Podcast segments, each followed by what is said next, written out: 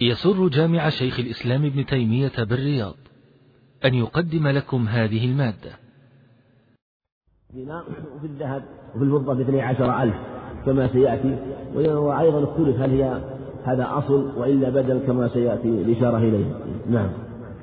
وعن ابن مسعود رضي الله عنه عن النبي صلى الله عليه وسلم قال دية الخطأ أخماسا عشرون حقة وعشرون جذعة وعشرون بنات مخاض وعشرون بنات لبون وعشرون بني لبون. أخرجه الدار قطني وأخرجه الأربعة بلفظ.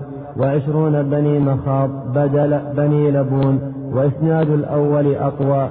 وأخرجه, أبو وأخرجه ابن أبي شيبة من وجه آخر موقوفا وهو أصح من المرفوع.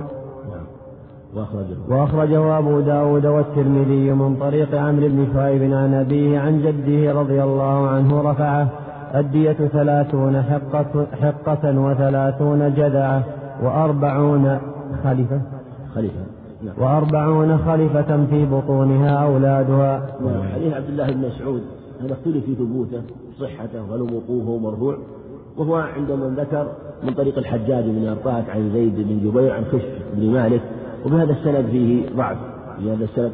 وجاء بإسناد أقوى عند الدار قطني. هنا ذكر جهة الخطأ أنها عشرون حق حقة وعشرون جذعة وعشرون بنت بنات مخاض وعشرون بنات لبون. واختلف في الخامس. هل هو عشرون آه، بني مخاض أو عشرون عشرون بني لبون؟ اختلف فيه. الأربعة عند الأربعة أنه عشرون بني مخاض.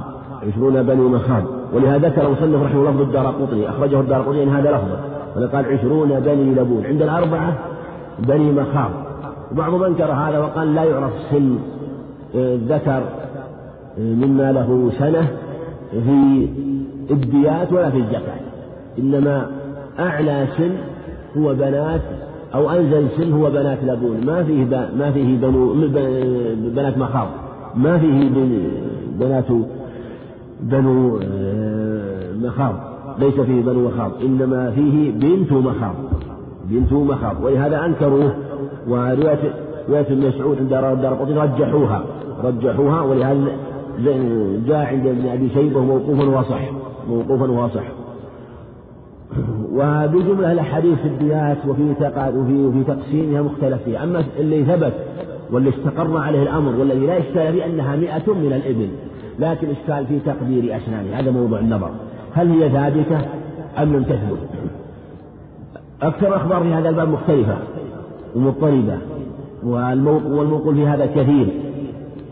يحتاج إلى تحقيق المقام في هذا في هذا ولابن أبي عاصم كتاب في باب الديات يمكن اعتنى بالمقام رحمه الله. فالمقام يحتاج إلى عناية ونظر وبسط من جهة النظر في الروايات. لكن المتحقق والمتحصل الآن من الروايات آه، في هذا الباب أن دية الخطأ أخماسا أخماسا ودية العمد وشبه العمد هذه كما في الرواية الثانية أنها ثلاث حقة وثلاث جذعة وأربعون خليفة في بطونها أولادها. جاء في الرواية الثانية أنها أرباعا عشرون حقة عشرون جذع عشرون بنات مخاض عشرون بنات لبون. آه، أنها أرباع. وعلى هذا إن ثبتت هذه الروايات كان مخير في دية الخطأ في دية العمد ويكون دية العمد أو شبه العمد إما ثلاثا وإما أربعا. أما الخطأ فهي أخماس.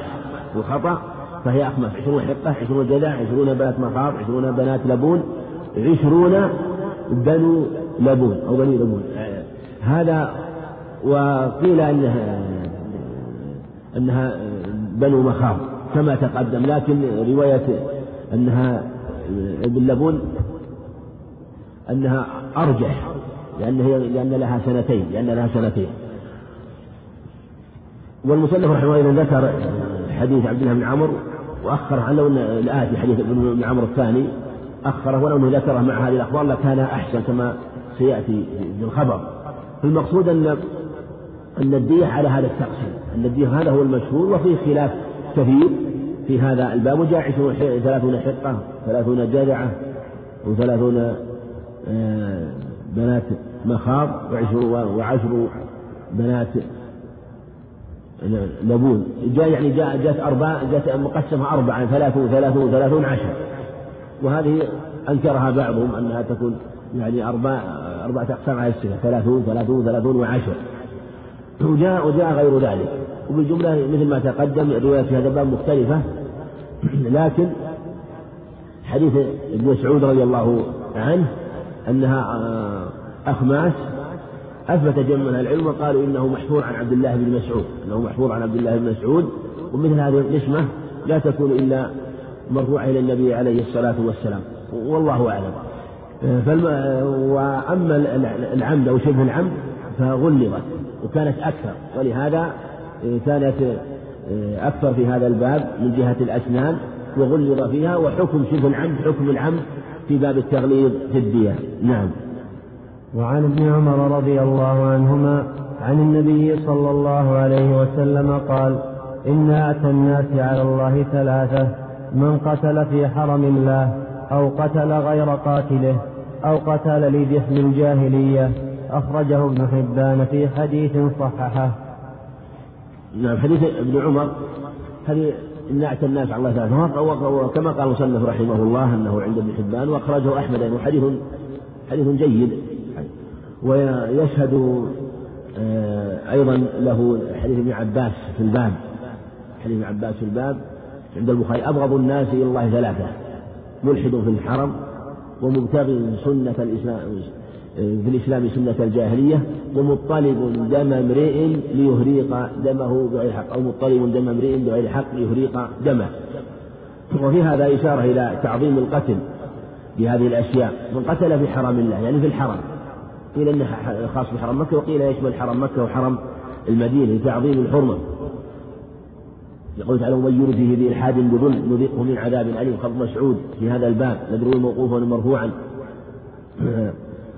طريق السدي عبد الرحمن بن كريم السدي وقيل وهم فيه والصواب إنه موقوف على مسعود إنه أن لو أن رجلا بعدن ابين هم بقتل امرئ مسلم يعني في الحرم لاذاقه الله من عذاب الأليم. تعظيم القتل في الحرم. كذلك أيضا قتل غير قاتل. يعني معنى أنه كما يفعل بعض أهل الجهل وأهل البغي والاعتداء حينما لا لا يجد قاتله فإنه يقتل من جماعته أو من قبيلته أو من بين قومه يقتل آه، واحدا منهم.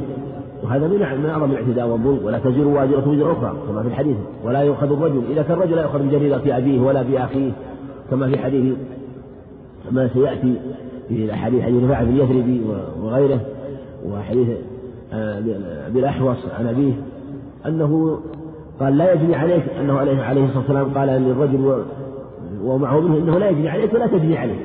لا يجري عليك ولا تجري عليه. هذا لا يجوز. فكيف إذا كان قريبا له؟ فكيف إذا كان أيضا بعيد؟ فالأمر أشد. أو قتل لحم الجهل الجهل هو العداوات والخصومات التي تكون بين بينهم. قتل لأجل عداواته. فإن هذا كله من أمر الجهل الذي لا يجوز. نعم. وأصله في البخاري من حديث ابن عباس. عندك نعم. نعم. هذه نعم موجودة. ومثل ما حديث ابن عباس مثل ما تقدم. إن أبغض الناس عن الله ثلاثة. هذا نعم. وعن عبد الله بن عمرو بن العاص رضي الله عنهما أن رسول الله صلى الله عليه وسلم قال ألا إن دية الخطأ وشبه العمد ما كان بالسوط والعصا مئة من الإبل منها أربعون في بطونها أولادها. أخرجه أبو داود والنسائي وابن ماجه وصححه ابن حبان. نعم فإسناده جيد وهو مثل ما تقدم زيادة الخطأ وشبه العمد واحد. ولكن ذكر أن أربعين في بطونها أولادها وثلاث حقة وثلاث جعل كان لأنه معلوم كأنه معلوم وأنه علم عندهم فلهذا ومن هنا مع أنه ذكر في الروايات الأخرى. نعم. وعن ابن عباس رضي الله عنهما عن النبي صلى الله عليه وسلم قال هذه وهذه سواء يعني الخنصر, يعني الخنصر والإبهام رواه البخاري ولأبي داود والترمذي الأصابع سواء والأسنان سواء الثنية والضرس سواء ولابن حبان دية أصابع اليدين والرجلين سواء عشرة من الإبل لكل يصبع. نعم حديث ابن عباس في بيان أن الأصابع سواء. الخنصر والإبهام. يبين لا لا يفرق بين بين الاصبع الصغير والكبير وبين الاصبع الذي له ثلاث مفاصل وبين الاصبع الذي له مفصل واحد مفصل واحد اما له مفصلان لا فرق بينهما. أن أن الدية فيها واحدة عشر من الإبل. ولهذا بين في رواية أبي داود في رواية أبي داود كما ذكر أبي داود والترمذي وهذه قوله الترمذي راجعت المحرر فلم يذكر لم يعجل الترمذي رحمه الله أيضا ففي عجل الترمذي نظر. لكنها عند عند أبي داود وهي رواية صحيحة عند أبي داود وهي دية الأصابع سواء والأسنان سواء. الثنية والضرس سواء. ما في فرق بين جميع الأسنان. كما لا فرق بين الأصابع. قد يوهم قد يتوهم مثلا إنسان يقول الأسنان يختلف نفعها وعملها. فالأسنان لتطحن مثلا أو الثنايا أنفع أن تكون ديتها أكثر. لا. الشارع جعل في في, في الجميع دية واحدة. الأسنان خمس خمس. خمس خمس.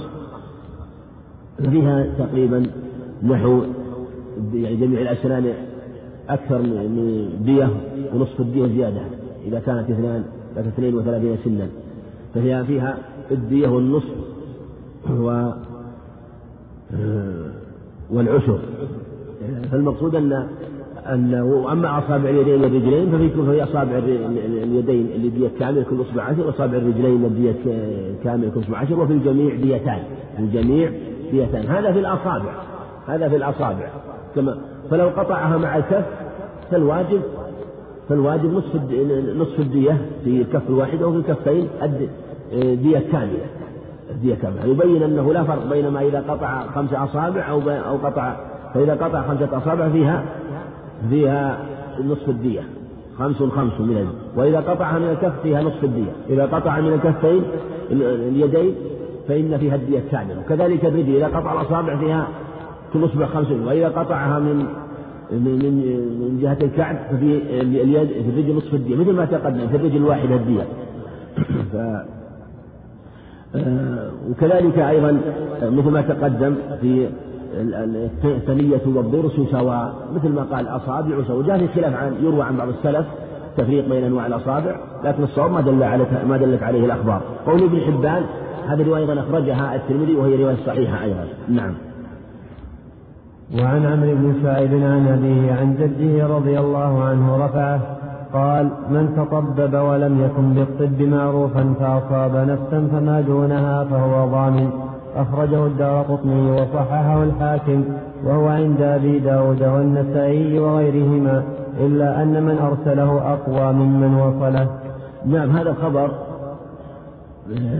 رواه وليد مسلم عن ابن جريج فوصله وبعضهم وكثير ممن روى عن ابن جريج أرسلوه ولهذا ضعفوا لهذه العلة. ومنهم من قوى أهل الرواية عند أبي داود برواية عبد العزيز بن عمر بن عبد العزيز قال حدثني الوفد الذين أو القوم الذين وفدوا على أبي أن النبي عليه السلام قال من تطبب ولم منه طب فهو ضامن أو نحو هذا اللفظ الذي ذكره مصنف رحمه الله. وهذا أخذ به أهل العلم وهو أن من تطبب صيغة تفاعل يدل على التكلم. فمن تطبب مثلا في إنسان وعالجه لا يعلم بالطب فأصاب نفسا ضمنها ضمنها. ولو علم أنه قصد قتله فهو عمد لكن في الغالب أنه إذا تطبب ما يقصد القتل فأصاب مثلا نفسا فإن فيه الدية. وإن أصاب مثلا عضوا ففيه ففيه ديته إن كانت مقدرة. فيه ديته. قول من تطبب يتكلف الطب. دل على أن من عرف بالحزق ومهر في صنعته فإنه لا شيء عليه. ولو أنه أصاب شيئا. فلو أنه بط فيه جرحا مثلا أو ختنه ف الجرح سرى مثلا إلى عضو آخر وكان معروفا بالطب فإنه لا يضمن لكن بشرط بشرطين. أول يعني لا يجري لا يحكم بسراية الجناية لا يحكم بسراية الجرح أو التطبب بشرطين إذا كان هذا الطبيب حارقا ليس متطببا حارقا الآن الشرط الثاني ألا تجني يده ألا تجني يده. مثل أن يكون مثلا مقدار الجرح هذا القدر فيزيد في فيزيد في مساحة الجرح وجنى. في هذه الحال يضمن. أما إذا أخذ بمقتضى أصول الطب المعروفة وهو حاذق فيها ولم يتجاوز القدر المعروف فإنه لا يضمن ولو تسبب على الجرح آه، سراية وزيادة فيها. نعم.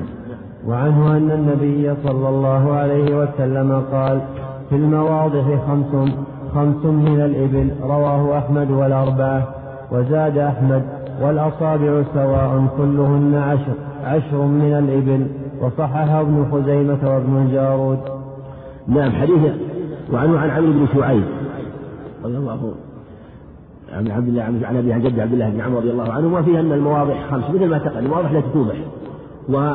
وأن لا فرق بين هذا بين الصغير والكبير كما تقدم. وأيضا هذا في المواضح لكن إذا كان الجرح دون الموضحة دون الموضحة مثل إذا كانت الحارصه أو البازلة أو الدامعة أو المتلاحمة أو السمحاء هذه الخمسة اختلف فيها. هذه الخمسة الحارصه التي تحرس الجلد البازلة التي يخرج منه الدم لكن لا يسيل الدامعة التي يسيل منها الدم المتلاحمة التي تغوص في اللحم السمحاء التي تصل قريبا من العظم عظم الرأس لكن بقيت قشرها الرقيقة التي على العظم. هذه الخمس الخمس اختلف فيها اختلف فيها. منهم من قال في كل واحدة بعير في في الحارسة بعير وفي البازلة وفي الدامعة بعيران و وفي المتلاحمة وفي في الحارثة الأولى بعير وفي الدامعة بعيران وفي البازلة ثلاثة أبعرة وفي السمحاق أربعة في السمحاق أربعة نعم. وفي المتلاحمة ثلاثة المتلاحمة ثلاثة. وفي وفي الحارثة بعير واحد وفي الدامعة والدامية آه، بعيران بعيران. جعلوها مرتبة لأن المواضح فيها خمس. لكن هذا في نظر الصواب أنه لا تقدير فيها لا تقدير فيها. لا تختلف هل هل يجعل حكومة؟ هل يجعل حكومة؟ معنى أنه يقوم المجني عليه كأنه مملوك كأنه عبد مملوك ثم يقال كم قيمته وفيه الجرح. لكن يقومونه بعد البر.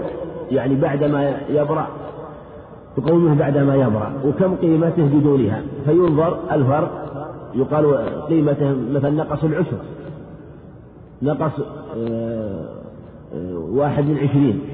فإنه في هذه الحال يؤخذ. إلا أن تزيد القيمة عن دية المواضح فلو كانت مثلا دية مثلا صارت نقص من قيمته أكثر من من واحد على عشرين يقول لا نعطيه لأنه ما يستجيب على دية الموضحة ما يستجيب على دية الموضحة فلا بد أن تكون منها أقل منها. ومنهم من قال إننا ننظر في مساحة الجرح مساحة الجرح والجلد مثلا ونسأل أهل الخبرة فلو جرح مثلا في رأسه المواضع تكون في الرأس عندهم مختلف في سائر العظام في الفخذ وفي الذراع. لكن في الرأس متفق عليه عندهم. فقال فقال نسأل الخبرة فقالوا إن الجرح غاص في اللحم مقدار الثلث. قالوا نأخذ ثلث دية الموضحة. قالوا الخمس نأخذ الخمس بعير واحد. وهذا كان يقول به الشيخ سعد بن حمد العتيق رحمه الله ويقول الذي نفتي به أننا نجعل أهل نسأل الخبرة ونقول أنه يسألون كم غاص في الجرح ونقدر الثلث والربع الخمس ويكون بقدرها من دية الموت. وما دام أنه ليس فيه نص فليس فيه نص فالقول بهذا جيد من جهة أن أن هذا أقرب إلى العدل لأن المواضح خمس ولأن الحكومة في الحقيقة لا تنضبط. ثم هم يقولون يقوم وهو بريء. قد يكون الإنسان يجرح ثم بعد ما يبرأ يكون أحسن منه قبل الجرح. قد يكون في جلد الشيء ثم يكون مثلا يبرأ تماما. وش نفعل؟ لو إنسان جرح ثم برئ الجرح. قلنا كم يساوي؟ ما كم يعني يقوم منها الحكومة كما يقولون؟ ما ما يمكن. ولهذا قالوا إذا ما إذا ما أمكن تقويمه الآن أو صار موضع الجرح أفضل وأحسن لو كان مملوك قوم قال نقومه وهو الجرح يسير أو قرب البر اضطربوا في مثل هذا اضطربوا. وهذا لا يكاد ينضبط خاصة التقويم مثلا بعد البر. ولهذا كان أقرب تقويمه بمقدار ما يغوص في الجرح مثل ما تقدم الثلث الربع الخمس. نعم. وعنه رضي الله عنه قال قال رسول الله صلى الله عليه وسلم عقل أهل الذمة نصف عقل المسلمين. رواه أحمد والأربعة. ولفظ أبي داود دية المعاهد نصف دية الحر. وللنساء عقل المرأة مثل عقل الرجل حتى يبلغ الثلث من ديتها وصححه ابن خزيمة. نعم حديث عبد الله بن عمرو هذا في عقل هذا النصف عقل المسلمين في لفظ النصف عقل الكافر نصف عقل المسلم استدل به أهل العلم في أن دية الكافر عن نصف من دية المسلم ودية الكافر عن نصف من دية المسلمة. واختلف هو خاص باليهود والنصارى أو عام في الكفرة. نظهر والله أعلم أنه عام في جميع الكفرة. لا فرق لأن الكفر ملة واحدة. لا فرق بين الوثني والمجوسي واليهودي والنصراني للجهة الأخرى. عقل الكافر مثل نصف عقل المسلم وليس هذا باب تقييد مطلق في الحقيقة. لأن هذا مفهوم لقب أو من باب ذكر بعض أفراد العام. ومثل هذا لا تخصيص به كونه قال في بعض الألفاظ أنه عقل أهل الذمة أو ما أشبه ذلك. هذا من باب ذكر بعض أفراد العام من جهة أنه أن أن ذكر هذا الصنف لأنهم ربما هم الذي احتوج إلى أو لأنهم هم الذي احتوج لذكرهم فخرج عن الغالب. أو ومثل هذا المفهوم لا يؤخذ به سواء كان مفهوم لقب أو مفهوم على الأغلب. أو كان من باب ذكر بعض أفراد العام بعض أفراد العام فهو كذلك أيضا. فلهذا كان الدية على النصف في الكافر أو الكافرة نصف دية المسلم أو المسلمة. أما دية النساء عقد المرأة مثل عرض الرجل حتى يبلغ الثلث من ديتها هذه من طريق إسماعيل بن عياش عن جريج. وإسماعيل بن عياش كان معروف الشامل عن في ضعيف الرواية عن عن أهل الحجاز كابن جريج ونحوه. ف وأخذ بها كثير من العلم وقالوا إن دية المرأة كدية الرجل ففي إصبعها عشر من الإبل وفي الإصبعين عشرون وفي الثلاثة ثلاثون. طيب كم في الأربعة؟ كم في الأربع؟ أربعة لو إذا قطع منها أربعة أصابع كم كم ديتها إذا كان؟ نعم. نعم. قال من قال قال عشرين. نعم. يعني هل هو مثلا نجريه ماذا نقول؟ هم يقول إذا قلنا أن أن عقلها مثل عقل الرجل إلى الثلث إلى الثلث.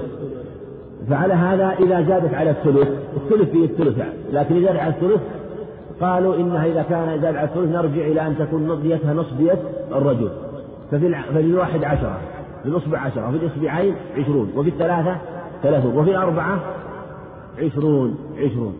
قال رجل من عبد الرحمن سأل أبا سعيد المسيب عن عقل المرأة قال في كم في الأصبع؟ قال عشر قال في الإصبعين قال عشرون قال في الثلاثة قال ثلاثون قال في الأربعة قال عشرون عشرون. قال لما عظم جرحها وشدت مصيبتها قل عقلها يعني ديتها قال عراقي أنت؟ أنهم عرف عن بعض الجواب على السنة أو القول بالرأي. قال فقال لا. عالم متثبت أو جاهل متعلم يقول رضي الله عنه عبد الرحمن. قال تلك السنة يا ابن أخي. لكن هذا ينظر في ثبوته واللفظ فيه غرابة في الحقيقة. يعني كيف يكون في ثلاثة أصابع ثلاثون وفي الأربعة عشرون؟ إن ثبت الخبر فعلى العين والرأس ما في إشكال. ونقول هذا هو. وإن لم يثبت ف أو يقال كما قال بعض أهل العلم يقال كما قال بعض الحقيقة ليس ظاهر الخبر هذا.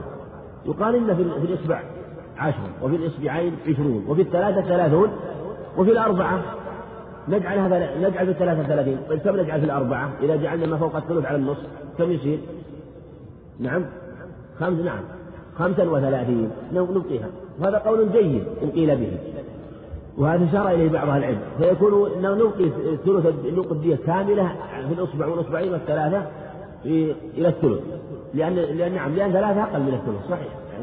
ثلاثة ما فيها إشكال. لأن ثلاثة فيها ثلاثين أقل من الثلث. لأن الثلث ثلاثة وثلاثين وثلث. وفي الأربعة يكون خمسا وثلاثين. لأن نجعل النصف لا نجعله على على ما مضى لا على ما زاد على الثلث. وهذا قول جيد. إن ثبت الخبر وإن لم يثبت فيقال آه، أنها على النصف مطلقا. نعم. وعنه رضي الله عنه قال قال رسول الله صلى الله عليه وسلم عقل شبه العمد مغلظ مثل عقل العمد ولا يقتل صاحبه. وذلك أن ينزو الشيطان فتكون دماء بين الناس في غير ضغينة ولا حمل سلاح. أخرجه الدار قطني وضعفه. نعم هذا مثل ما تقدم هذا من طريق محمد بن راشد المكحولي لا بأس به. وهو شاهد لما تقدم أن عقل شبه العمد مثل عقل العمد. وذلك ينزو الشيطان فتكون القتال بغير ضغينة ولا حمل سلاح مثل ما تقدم. ويحصل قتل بينهم ولا يعلم القاتل. فيها تكون الدية مغلظة مثل ما تقدم مثل آه، شبه العمد مثل العمد. نعم. وعن ابن عباس رضي الله عنهما قال قتل رجل رجلا على عهد النبي صلى الله عليه وسلم فجعل النبي صلى الله عليه وسلم ديته اثني عشر ألفا. رواه, أح... رواه الأربعة ورجح, ورجح النسائي وأبو حاتم إرساله. لا حديث ابن عباس هذا فيه أن أنه جاء أن النبي عليه عليه الصلاة والسلام جعل دية اثني عشر ألفا. وهذا آه، استدل به من قال إن الدية إن إن الدية تكون بالدراهم وأنها أصول. والصواب أن الأصل الإبل وأن ما سواها أبدل. هذا هو الصواب. وفي هذا الخبر أنه جعل دية عشر ألفا. ورجح جمع من العلم الإرسال لأن رواية محمد المسلم الطائفي عن عمرو بن دينار عن عكرمة عن ابن عباس. وقد روى سفيان بن عيينة عن عمرو بن دينار عن عكرمة عن عكرمة عن آه، مرسلا لم يذكر ابن عباس مرسل وهذا لا شك أن عمرو أن سفيان لا يقارن بالطائفي مسلم الطائفي فرواية المرسل أثبت ولهذا رجح أبو حاتم إرساله لكن الدية مثل ما تقدم الدية تقوم كم تساوي فإن ثبت هذا فيه تقويم للدية في عهده عليه الصلاة والسلام وأن بهذا القدر اثني عشر ألف. وفي بعض الروايات أنها أن أو بعض ما جاء أنها عشرة آلاف. فهذا يبين تختلف. تارة تكون هكذا وتارة تكون هكذا بحسب أقيام الإبل. إن ارتفعت وغلت قيمتها غلب ارتفع بدلها وإن رخصت رخص بدلها. وعن أبي وعن أبي رمثة وعن أبي رمثة قال أتيت النبي صلى الله عليه وسلم ومعي ومعي ابني فقال فقال من هذا؟ فقلت ابني وأشهد به. فقال أما إنه لا يجني عليك ولا تجني عليه. رواه النسائي وأبو داود وصححه ابن خزيمة وابن الجارود.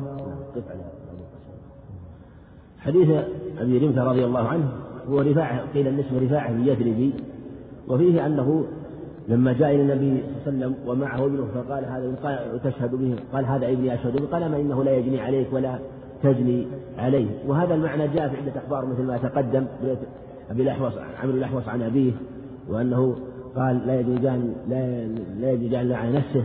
وفي حديث آخر أيضا أنه لا يؤخذ الرجل بجريرة أبيه ولا جريرة أخيه.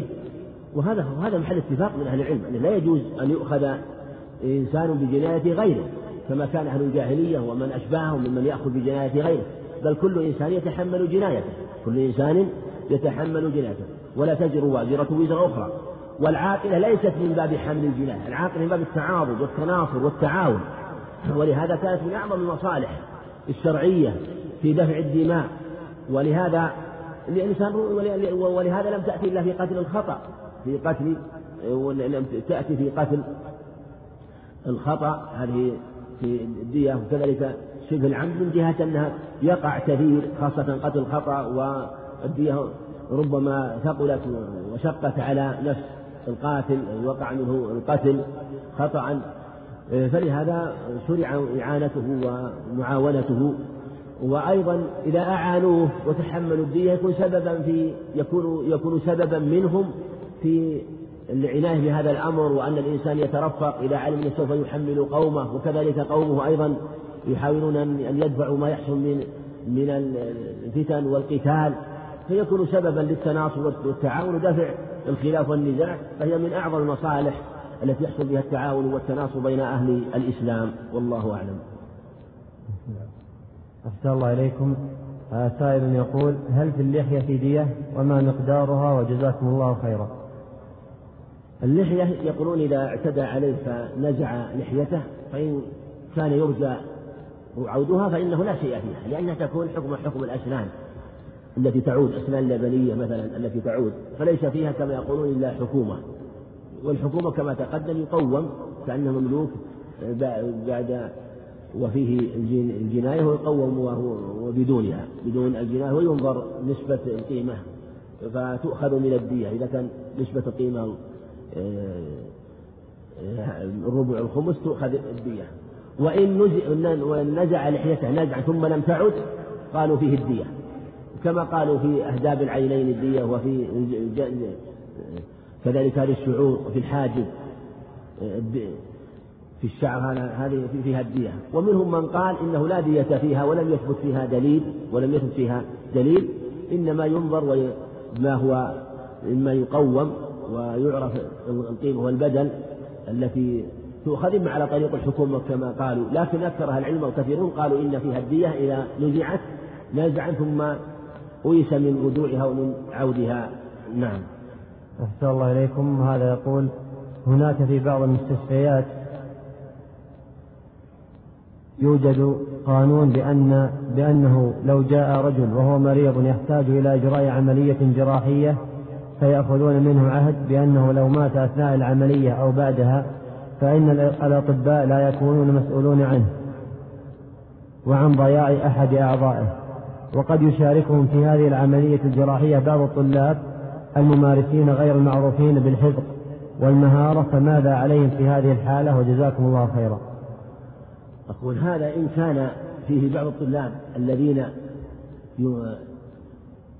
يشرفون عليه في العملية في عملية جراحية أو غيرها وهم لا لم يحسنوا الصنعة فلا يجوز له الإقدام على هذا العمل ولا يجوز لهم الإقدام عليه كلهم. هو يحرم عليه وهم يحرموا عليه لا يجوز لأنه اعتداء وتعدي وظلم ولا يجوز فلا يجوز أن يسلم نفسه لأناس يتعلمون ويتطببون وإن كان الذين يعملونها هم من حذق وعرف صنعته عرف بالطب وهؤلاء الطلاب مجرد مطلعين وينظرون كيف العمل وليس لهم أي شيء إلا في أمور لا تتعلق بالأمور الدقيقة في هذه العملية يترتب عليها ضرر إما بإحضار شيء أو مناولة شيء أو وضع شيء مقدار معين أو ما أشبه ذلك مما هم أعلم به. في هذه الحالة لا بأس. المقصود أنه إذا كان احتاج إلى إجراء عملية أو إجراء شيء من العلاج والتداوي يحتاج ثم هم لا لم يعلموا ولم يدروا كيف يجرون العملية لأن النسبة عندهم لا يعلمون بها ويخشون أن يموت أو يتعرض مثلا لضرر أو سراية الجرح. ما في مانع لا بأس من ذلك أن أن يكون حتى ولو لم ولو أنه سلم نفسه مثلا لهم وهم حاذقون صنعتهم ولو لم يكتب توقيع بمثل هذا فلا شيء عليه حتى ولو لم يكتب شيئا. يعني مثل ما تقدم عندنا أنه شرطان أنه شرطان أن يكون حاذقا لصنعته وأن لا تجني يده. أن يكون حاذقا لصنعته وأن لا تجني يده. ففي هذه الحالة لا يضمن ولو أنه ما وقع المقصود أنه يكون عاقل باختياره وبرضاه ويكون هذه العملية يعلم أنه ليس فيها ضرر فإذا حصل هذا المقصود فلا شيء عليه لا شيء عليه لو لو بعد ذلك أنه حصل له ضرر.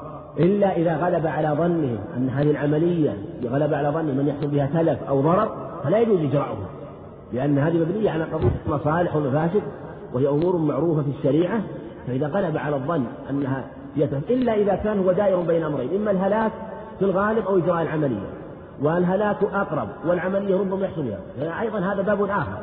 الإنسان مثلا في في مرض شديد واشتد الأمر عليه وفي الغالب أيضا هلاكه عملية لازمة له لكن يخشى من إجرائها هلاكه. فدار أمر مثلا بين هذا وهذا. أيضا هذا له تقديره وينظر ما هو الأصلح له. نعم. الله إليكم وهذا يقول هل صحيح بأن رواية عمرو بن شعيب من قبيل الحديث الحسن وما المقصود بأبيه عن جده. ابن الحسن نعم من رواية من قبيل الحسن. عمرو بن شعيب عن أبيه شعيب عن جده جد شعيب اللي هو عبد الله بن عمرو. عمرو عن أبيه يرجع إلى عمرو أبيه شعيب. عن جده يرجع إلى شعيب وهو عبد الله بن عمرو. وهو شعيب وهو عبد الله بن عمرو ابن شعيب ابن محمد وهو عمرو بن شعيب ابن محمد بن عبد الله. عمرو ابن شعيب ابن محمد ابن عبد الله بن عمرو بن عاص عمرو بن شعيب ابن محمد ابن عبد الله بن عمرو. فقوله عمرو بن شعيب عمرو بن شعيب عن أبي شعيب. عن جد يرجع إلى شعيب. جد جد شعيب إذا جد شعيب من يكون على هذا؟ عبد الله. لم يروي عن أبيه لأن أباه محمد مات وهو صغير. فرباه أبوه عبد الله بن عمرو ثبت بإسناد صحيح عند البيهقي وغيره أنه كان أدركه وأنه أدرك جده عبد الله بن عمرو ورواية عنه. رواية عن بن شعيب الصحيح أنها حسن. لكن الأظهر أنه لا يطلق في الآن التحقيق فيها أن روايات عمرو بن شعيب مختلفة. مختلفة. لأن عمرو بن شعيب روايته كما قال عن أبو زرعة رحمه الله روايته عن أبيه من كتاب. رواية عمرو عن شعيب عن أبيه شعيب من كتاب. فإذا روى عن أبيه شعيب من كتابه فإنه لا بأس به. وإذا قال حدثني أبي شعيب فهذه أرفع. هذه هذه يعني رواية. الرواية الثانية إذا قال عمرو بن شعيب عن أبيه عن جده قال رأيت النبي صلى الله عليه وسلم أو سمعت النبي صلى الله عليه وسلم. أيضا صريحة وواضحة لا إشكال لأن لأن بعض العلماء قال عن أبيه عن جده يحتمل محتمل أنه مرسل. فإذا قال رأيت النبي صلى الله عليه وسلم أو سمعت النبي صلى الله عليه وسلم فإن هذا لا إشكال فيه. لا إشكال فيه مثل أنه كان يصلي حافيا. رأيته يصلي حافيا متعلا كما في رواية. فهذا واضح أن أن أن أنه عبد الله بن عمرو أنه عبد الله بن عمرو وأن الرواية مرسلة وأن الرواية التصل ليست مرسلة. الأمر الآخر إذا كان عمرو بن شعيب عن غير أبيه عن جده. عمرو بن شعيب عن غير أبيه عن غير مثلا مثل عن ابن عمر أو غيره فهذه أقوى لأنها واضحة أنه أدرك ابن عمر وأدرك غيرهما فروايته عنه أيضا أقوى وأظهر من روايته عن أبيه عن جده.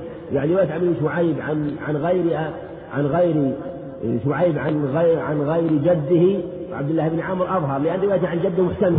عن ابن عمر وغيره فهي أقوى من روايته عن عن جده عبد الله بن عمرو لأنه مختلف في هذه الرواية. كذلك إذا كان روى عمرو بن شعيب مثلا عن غير عن غير صحابي عن تابع عن صحابي آخر فهي أيضا رواية جيدة. فالأظهر أن رواية عمرو شعيب في هذا التفصيل لا يطلق بأنها مستوية وأنها رواية واحدة لا مختلفة بحسب ما روايته هو عن أبيه ورواية أبيه عن غير جده. يعني ورواية جده هل هي بصيغة مثلا السماع عن النبي عليه الصلاة والسلام أو بصيغة أو, أو رؤيته للنبي عليه الصلاة والسلام أو مثلا عن النبي عليه الصلاة والسلام لأن هذه محتملة. فإذا نوى تحصل أنها آه، تأتي على عدة أنحاء والرواية الدارجة رواية عمرو بن شعيب عن أبيه عن جده. وأيضا من في هذا الباب إذا روى عن عمرو غير إذا روى عن عن عمرو بن شعيب آه، الثقات فإنها أيضا فإن رواية كما قال العلماء رواية صحيحة يعني إذا كان إسناد إلى عمرو صحيح فبقية السند حسن لكن على التفصيل المتقدم نعم. الله إليكم. وهذا يقول ما المقصود بإخراج اليهود والنصارى من جزيرة العرب؟ وهل لكل أحد أن يخرجهم أو يقتلهم؟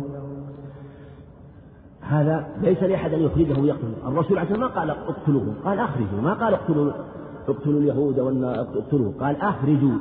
هذا هو. فلم يقل اقتلوهم. ثم هذه مثل ما تقدم. هذه مثل ما تقدم في في كلام أو أو معروف في كلام أهل العلم في هذه في هذه المسألة أن هذا حسب القدرة وحسب الاستطاعة. ثم أيضا لو فرض أنه أن أن أن أمر من الأمور منكر وأن أمر مثلا لا يجوز ليس لكل أحد أن ينكره وإنكاره يكون بحسب الاستطاعة وبحسب القدرة. ولو كان الإنسان كل أراد أن ينكر مثل هذه الأمور سواء في هذا الأمر أو في غيره حصل الفساد والشر خاصة الذي يترتب عليه حمل سلاح. هذا باتفاق أهل العلم أنه ليس لأحد الناس. ليس بأحد مثل هذا. ثم أيضا إذا آه، إذا دخل هؤلاء مما ينبغي يتبين أن دخول مثلا اليهود أو النصارى أو غيرهم دخلوا حتى ولو كان في نفس الأمر عقد عهده مثلا باطل ولا يصح فإنه يعامل بمقتضى بمقتضى اعتقاده هو يعني دخل على مثلها فلو كان مثلا حصل فيه شيء من الإخلاء بمقتضى اعتقاده ويوفى له. ولهذا النبي عليه الصلاة والسلام وفى للمشركين ببعض العقود التي في الحق في نفسها.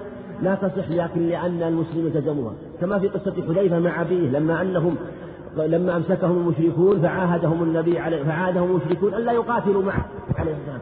عاهدهم وهم حربيون عاهدوا عاهدوه وأباه ألا يقاتلوا مع النبي عليه السلام. فجاءوا إلى النبي يقاتلون معه ماذا قال عليه السلام وهم حربيون قال نفي لهم نفي لهم بعهدهم نفي لهم. ونستعين الله عليهم. فهو عليه السلام وفى. فأمر العهود وأمر العقود أمر عظيم وشأنه عظيم. أسأله سبحانه لي ولكم التوفيق والسداد. آمين. إنه جواد كريم. وصلى الله وسلم وبارك على نبينا محمد. بسم الله الرحمن الرحيم. الحمد لله رب العالمين وصلى الله على نبينا محمد وعلى آله وصحبه أجمعين. قال المؤلف رحمه الله تعالى: باب دعوى الدم والقسامة. عن سال بن أبي حثمة رجال من كبراء قومه أن عبد الله بن سهل ومحيصة بن مسعود خرجا إلى خيبر من جهد أصابهم فأتي محيصة فأخبر أن عبد الله بن سهل قد قتل وطرح في عين فأتى يهود فقال أنتم والله قتلتموه. قالوا والله ما قتلناه فأقبل هو وأخوه حويصة وعبد الرحمن بن سهل فذهب محيصة ليتكلم فقال رسول الله صلى الله عليه وسلم كبر كبر يريد السن. فتكلم حويصة ثم تكلم محيصة فقال رسول الله صلى الله عليه وسلم إما أن يدعوا صاحبكم وإما أن يأذنوا بحرب. فكتب إليهم في ذلك فكتبوا إنا والله ما قتلناه فقال لحويصة لحويصة ومحيصة وعبد الرحمن بن سهل أتحلفون وتستحقون دم صاحبكم؟ قالوا لا. قال فيحلف لكم يهود. قالوا ليسوا مسلمين. فودعه رسول الله صلى الله عليه وسلم من عنده فبعث إليهم مئة ناقة. قال سهل فلقد ركضتني منها ناقة حمراء متفق عليه. نعم الرجل وعن رجل من الأنصار أن رسول الله صلى الله عليه وسلم أقر القسامة على ما كانت عليه في الجاهلية وقضى بها رسول الله صلى الله عليه وسلم بين ناس من الأنصار في قتيل ادعوه على اليهود رواه مسلم. الحمد لله رب العالمين والصلاة والسلام على نبينا محمد وعلى آله وأصحابه وأتباعه بإحسان إلى يوم الدين. هذا الخبر في دعوى باب دعوى الدم والقسامة القسام مصدر أقسم يقسم قسما وقسامة وهي الأيمان التي يحلفها أولياء المقتول. فيقتسمونها ثم يقسمون على رجل معين أنه هو الذي قتل فلانا قريبهم وقد اختلف أهل العلم في الحكم بالقسامة بحسب النظر في الأخبار من جهة دلالتها ثم اختلفوا في الحكم بها هل القسمة توجب القود أو توجب الدية على قولين الصواب هو مشروعية القول بالقسامة أولا.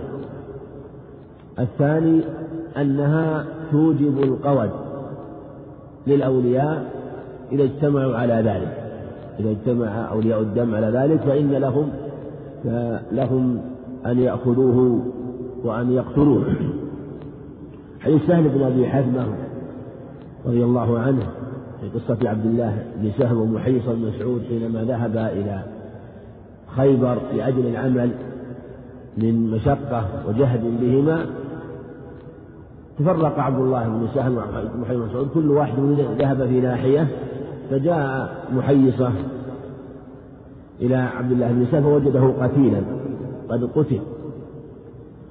فذهب إلى يهود فقال أنتم قتلتموه فنفوا وقالوا ما قتلناه ما قتلناه. فأوتي النبي عليه الصلاة والسلام هو وعبد الله بن سهل وعبد الرحمن بن سهل ومحيصة بن مسعود. عبد الرحمن بن سهل وابن عم حويصة ومحيصة فعند ذلك قال هل عندكم بينة؟ فقال لا يا رسول الله ما شهدوا؟ ثم قال يحلف قال إنهم قوم يهود يحلفون على ما هو أقل من هذا لا يضرهم أن يقتلون ثم يحلفون. فأخبر عليه السلام أنه ليس لهم إلا هذا. وجاء في الرواية الثانية أنه عليه الصلاة والسلام أمرهم أن يحلفوا. أو سألهم أن يحلفوا. أمرهم أن يحلفوا. في رواية في رواية أنه أنه سألهم البينة. سأله البينة.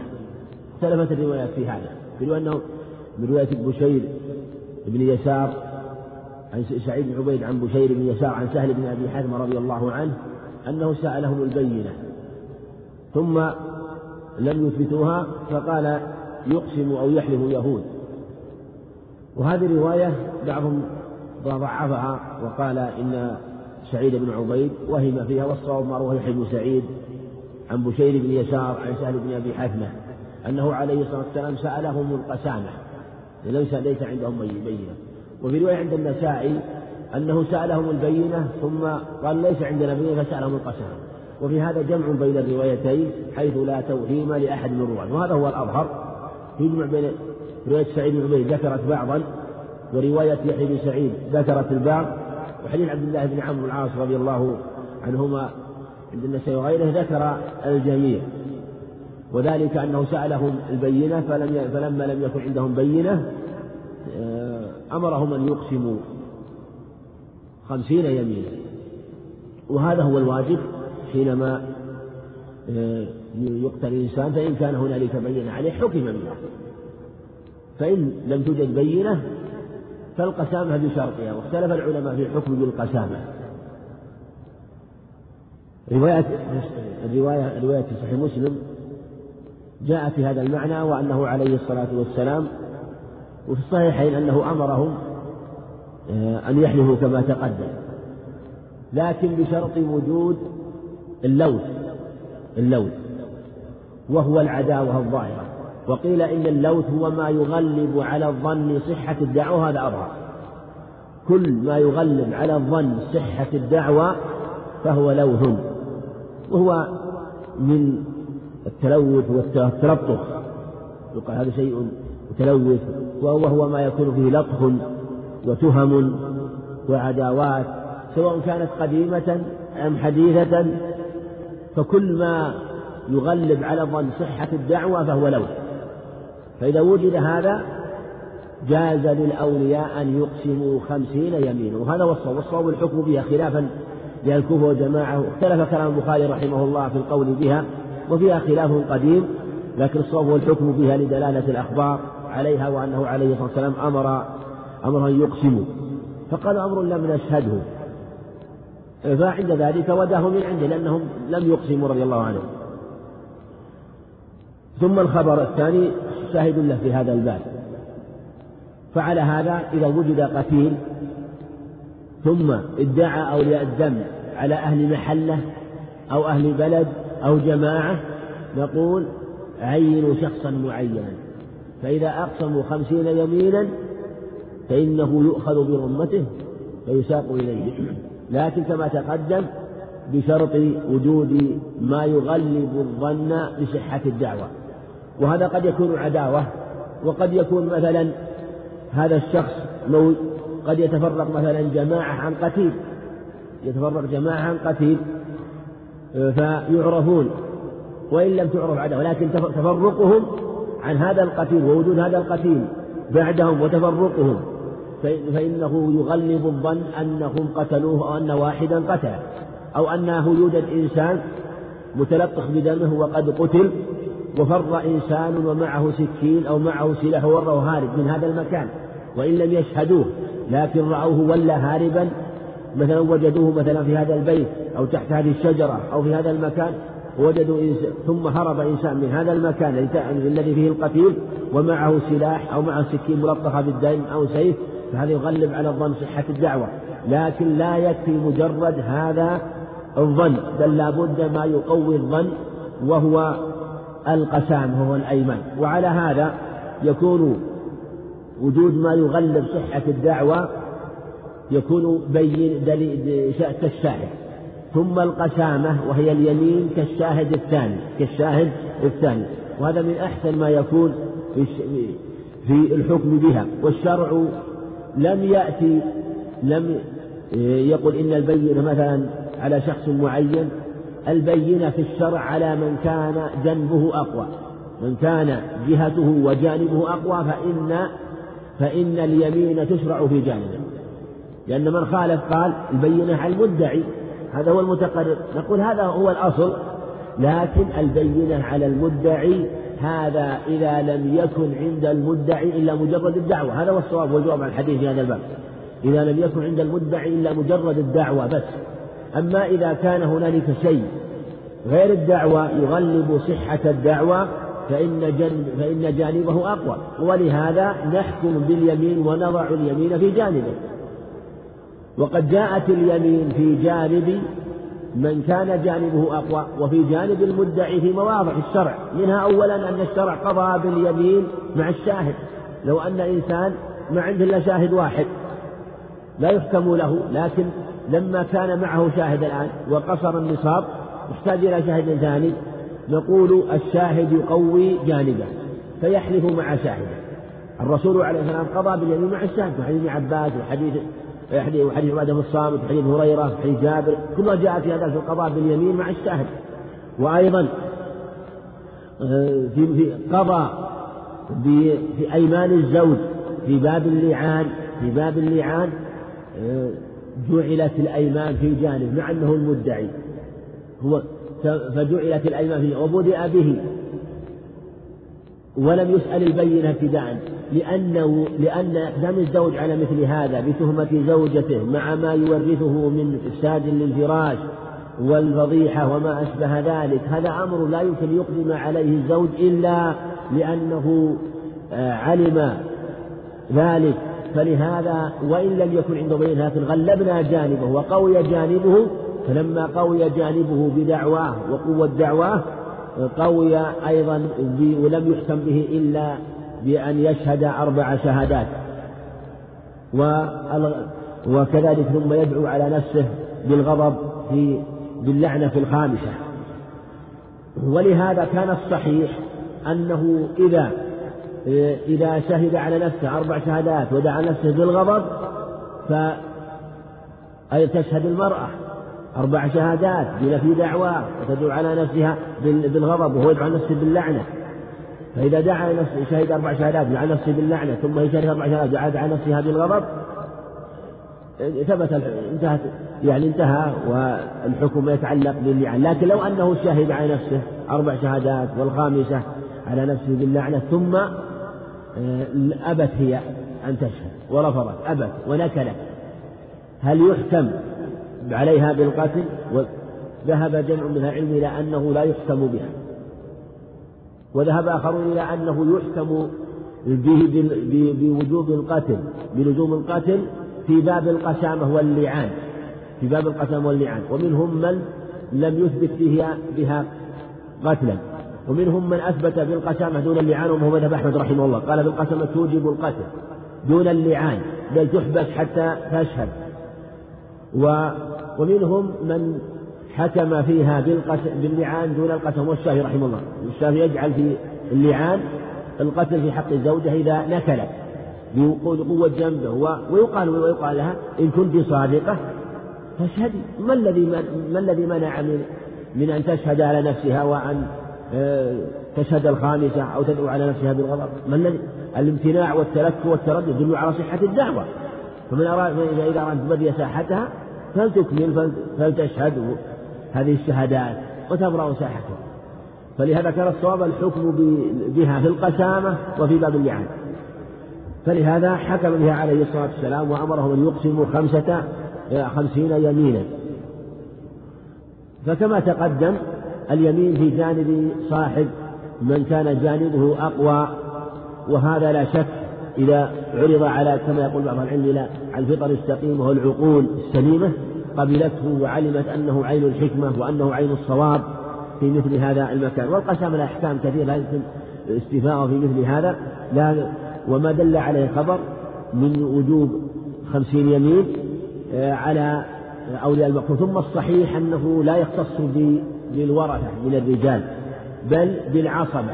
بالعصبة لأن النبي عليه الصلاة والسلام قال يقسم خمسون رجلا منكم على رجل منهم فيدفع إليكم جرما وقد علم أنه لم يكن لعبد الله بن سهل آه، من يرثه من لم لا يوجد هذا العدد إنما الذي يرثه أخوه وقد يكون معه آخر. لا يعني لم يوجد هذا العدد والرسول عليه لم يشترط أن يكونوا من الوارثين. ولهذا كان الصواب أنه آه، أنه يقسم الوارثون وغير الوارثين وإن كان لم يقسم إلا الورثة فتقسم تقسم. إذا لم يقسم أو لم يوجد إلا الورثة أو لم يقسم إلا هم فتقسم. فلو كانوا مثلا ثلاثة أبناء ثلاثة أبناء فإنها تقسم بينهم أثلاثا وليس فيه كسر.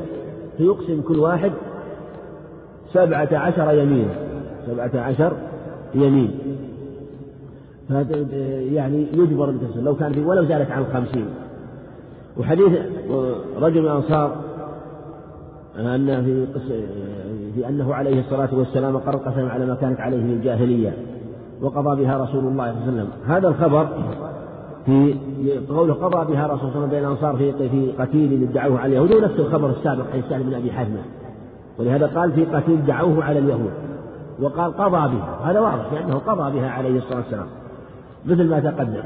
وهو وإن لم يحكم بها من جهة وإن لم يعني أنه يتم الأمر لأنهم لم يقسموا وقالوا لم نشهده. وقولها قرر القسام على ما كانت في الجاهلية كانت في الجاهلية يعملون بها. وثبت في صحيح البخاري أن رجلا من قريش استأجر رجلا من بني هاشم معه يسوق إبلا معه. فبينما هو في الطريق وكان معه يخدمه ويقوم عليه فهو بينه في الطريق ونام صاحب الإبل من قريش وكان معه الأجير يقوم عليها. فجاء رجل إلى الأجير وسأله عروة دوالق سأله يعني آه، حبل من جلد أو من جلد سأله واحدا منها حتى يربط به آه، واحدا من إبله. فأخذ واحدا من قيود الإبل هذه وأعطاه إياه. فلما استيقظ الرجل من قريش رآها في القيود إلا واحدة. قال أين قيد هذا الجمل. قال أعطيته إنسان وسائل سألني احتاج إليه فأعطيه فأخذ عصاة أو حصى عصا أو حصاة فحذفه بها فمات.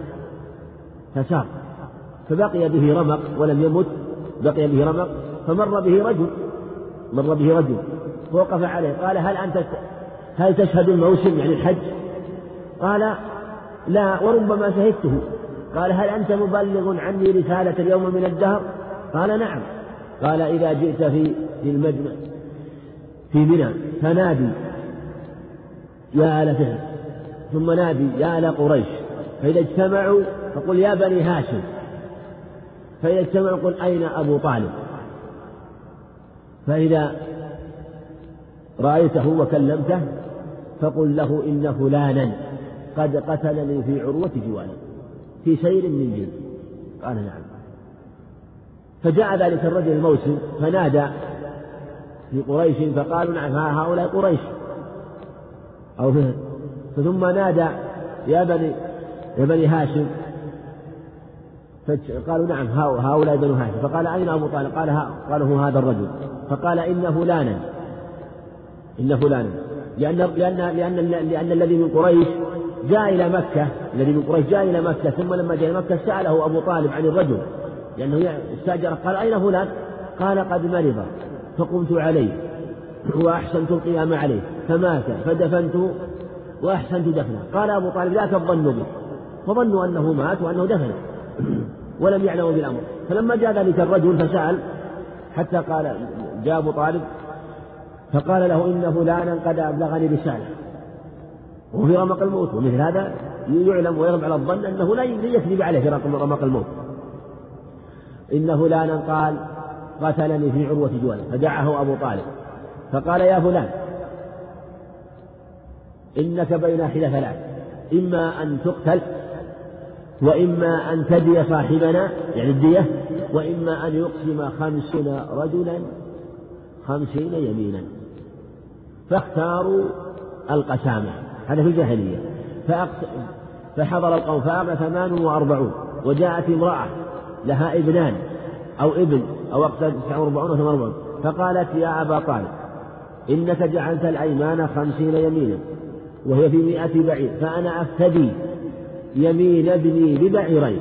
يعني مقابل اليمين بعيرين لأنها لأنها خمسون والدية كانت مئة من الإبل وهكذا كانت الجاهلية. قال نعم ففدته ببعيرين. قال الراوي فما مضى الحول ومنهم عين تطرف كلهم قد هلكوا هؤلاء الخمسون إلا ابن المرأة الذي افتدته تلك المرأة فسلم ولم يمت. فالشاهد هذا هو معنى قول قضى بها أو أقر القسام على ما كانت في الجاهلية. لكن العبرة هو العبرة بحكم الشرع بها وإمضاء الشرع بها ولهذا كان الصواب هو القول بها كما تقدم. نعم. باب قتال أهل البغي. عن ابن عمر رضي الله عنهما قال قال رسول الله صلى الله عليه وسلم من حمل علينا السلاح فليس منا. متفق عليه. نعم. هذا في قتال أهل البغي. إن بغى عليه. وقتال أهل البغي مشروع حينما يمتنعون عن الرجوع إلى الحق وعدم الالتزام بالحق وطريق الحق فإذا أصروا قوتلوا ولهذا جاء ذكر المصنف رحمه الله هذا خبر وجاء عدة أخبار قل من حمل عليه السلاح فليس منا لأنه حمل بغير حق. وأهل البغي أقسام منهم من يعني من خرج بتأويل بتأويل فهذا ينظر إن ذكر شبهة فإنه تبين له وتكشف له وتوضح له شبهته. فإن رجع فالحمد لله. وإن أصر فلا يقر على ما هو عليه لأنه وإن ذكر مثلا شبهة فبينت له أمرا من الأمور ثم أصر فإن في في قتاله فسادا كثيرا. ولهذا يمنع. وأهل البغي هم من يكون لهم صولة ولهم قوة ويخرجون على الناس فلهم قوة وصولة. فهؤلاء هم أهل البغي. وما إن لم يكن لهم قوة وصولة فإنهم يكونون يأخذون حكم أهل الفساد وأهل البغي من جهة أنه يقدر عليهم.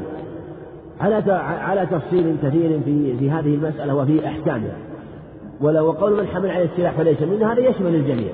يشمل الجميع وذلك أن من حمل السلاح على على أهل الإسلام فليس منهم وهذا قول فليس منا على ظاهره بخلاف من قال ليس من خيارنا لا ليس منا على ظاهر وهذه الأمر تأتي من الشارح من على ما قال عليه الصلاة والسلام. وذلك أنه لا يلزم منه أنه لا يقال أنه ليس منا ليس من خيارنا وليس من معنى ليس منا ليس من الإسلام لا. وليس في كلام الشرع. مثل قول من حلف بالأمانة ليس منا وما أشبه ذلك. الأحاديث التي جاءت في نفي الإيمان مثلا عمن فعل لا يزني الزاني حين يزني وهو مؤمن وما أشبه ذلك. فليس في أنه كافر. وهذا محل إجماع من أهل السنة وفي كلام معروف لأهل العلم لكن الشاهد في هذا الخبر. من حمل السلاح فليس فليس منا. وذلك كما يقول إنسان مثلا حينما يعمل يستأجر إنسان أجراء أو موظفين يعملون عنده فيعملون فيعمل بعض منهم جميع النهار وبعضهم يعمل مثلا نصف النهار فيأتي ويعطيهم أجورهم. فيقول مثلا الذين عملوا جميع النهار هؤلاء ليسوا منا.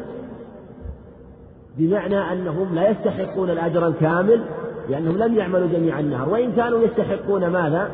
أصل الأجر.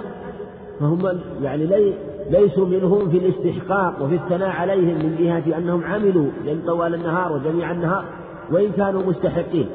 كذلك أيضا من وقع في مثل هذه الأمور ليس من أهل الإسلام ليس منا يعني ليس من أهل المدح الذين أتوا بالواجبات لكن هو ليس منهم من جهة أنه ترك واجبا ووقع في محرم ولا يلزم أن يكون من غيرهم. لا يلزم أن يكون من غيرهم. ولهذا آه، ظل في هذه الأخبار فريقان. مما ظل فيها فريقان. من حملها على وجه لا تحتمله كالخوارج وأمثالهم ممن كفر بالمعاصي وأيضا أسرف فيها قوم من أهل الإرجاء ممن قالوا إنه معنى ليس من خيارنا وأثبتوا لهم مما أثبتوا لغيرهم من صفة المدح لكن لم يجعلوه من خيارهم والحق هدى بين ضلالتين كما تقدم. هذا المعنى جاء في عدة أخبار عنه عليه الصلاة والسلام. نعم. وعن أبي هريرة رضي الله عنه عن النبي صلى الله عليه وسلم قال من خرج عن الطاعة وفارق الجماعة ومات فميتته ميتة جاهلية. أخرجه مسلم. نعم. حديث أبي هريرة هذا جاء في معنى أيضا عدة أخبار. ابن عباس صحيح من رأى من أمير شيئا يكره فليصبر فإن من فارق الجماعة أو خرج معه مات ميتة جاهلية. وفي حديث عمر صحيح مسلم آه، من لقي الله وليس في عنقه لقي الله ولا, ولا حجة له. أو من مات وليس في عنقه بيعة لقي الله ولا حجة له. وهذا الخبر من خرج عن الطاعة فارق الجماعة. ذكر خرج عن الطاعة فارق ومات ميتة جاهلية. ميتته ميتة جاهلية. وليس من أنه كافر لا. لكنه أشبه على الجاهلية قال قال فميتته أو ميتة جاهلية. أشبه الجاهلية الذين لا يطيعون أميرا ولا ولا يكونون تحت ولاية أحد. بل إنهم على الثورات والعصبيات والنزاع والخلاف فلا يطيعون ولا يستجيبون. فأشبه أهل الجاهلية في وجود الثارات والنزاع والخلاف. هذا هو. ولهذا دل على أن فراق الجماعة ونزع الطاعة أنه يتشبه بأهل الجاهلية ولهذا جاءت الأحاديث الكثيرة في التحذير والتشديد منه ولزوم جماعة المسلمين والقيام معهم ولما فيها من المصالح العظيمة في جمع الكلمة ولم الشمل وإن كان فيه بعض التقصير وبعض الفساد فعلى المسلم وعلى طالب الحق الموفق أن يجعل يده مع الجماعة وأن ينصح وأن يبين حتى يظهر الحق ويتبين لما يترتب على الخلاف والنزاع من الشر والفساد كما هو مشاهد في تاريخ الإسلام من زمن بعيد. يترتب عليه مفاسد كثيرة واضحة وبينة. وذلك أن قاعدة الشرع أن النزاع والخلاف في الغالب لا ينهي إلا شرا وفسادا. ومن رأى أمرا منكرا فعله يمكن في الأصلح. وإذا ترتب على عليه أمور منكرة فإنه ينظر ينظر في هذا الأمر المنكر. فإن كان أمرا منكرا كبيرا فإنه لا يجوز الإنكار على وجه يحصل به الفساد. وأعظم الفساد هو النزاع والخلاف وشق عصا الطاعة. فهذه مثل ما تقدم فيها من المفاسد آه، كما أخبر عليه الصلاة والسلام في هذا الخبر وأنه يتشبه بأهل الجاهلية من جهة المنازعة والخلاف. نعم. وعن وعن أم سلمة رضي الله عنها قالت قال رسول الله صلى الله عليه وسلم تقتل عمارا الفئة الباغية. رواه مسلم. نعم حديث أم سلمة رضي الله عنها أيضا متعلق بالخبر الذي قبله والمصنف رحمه الله كما تقدم يعني في الغالب أنه يذكر الأخبار بحسب ما سنح في خاطره وهي تأتي أحيانا غير مرتبة وربما فرق شمل بعض الأخبار. وإلا كان الاولى أن تذكر بعض الأخبار التي تكون مثلا جميعا معناها واحد. تذكر جميعا. وهذا يقع لها أحيانا لكن أمر قريب خاصة إذا كانت في باب واحد أو في كتاب واحد. قوله حليم سلمة تقتل عمارا في أهل باغي هذا حليم سلمة جاء جاء عن عدة من الصحابة عن عشرة وأكثر من الصحابة كثير من طرقها جيد. وكذلك في الصحيحين حديث سعيد الخدري أنه عليه عليه عليه الصلاة والسلام قال ويح عمار تقتله تقتله الفئة الباغية يدعوهم إلى الجنة ويدعونه إلى النار. لأنه قتل من جهة جيش معاوية من جهة أهل الشام.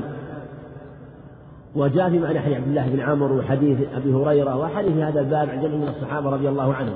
وهذا في دليل القول الصواب أن عليا رضي الله عنه كان على الحق. أن عليا كان على الحق وأن مخالفه كانوا هم هم الباغين وهم المعتدين. ولهذا كان جمهور السنة على على هذا القول في مثل هذا وأنه وأنه هو الصواب. لكن كانوا يقولون لو أن عليا لم يقاتل كان أولى. ولهذا ندم علي رضي الله عنه على قتاله لأهل الشام. ندم على قتال رضي الله وفي هذا بيان الفرق بين آه، من يقاتل من أصناف أهل البغي والاعتداء وأنهم أصناف. الصنف الأول المحاربون. الصنف الثاني أهل البغي الصنف الثالث الخوارج. وأخطأ من أدخل الخوارج ضمن البغاة.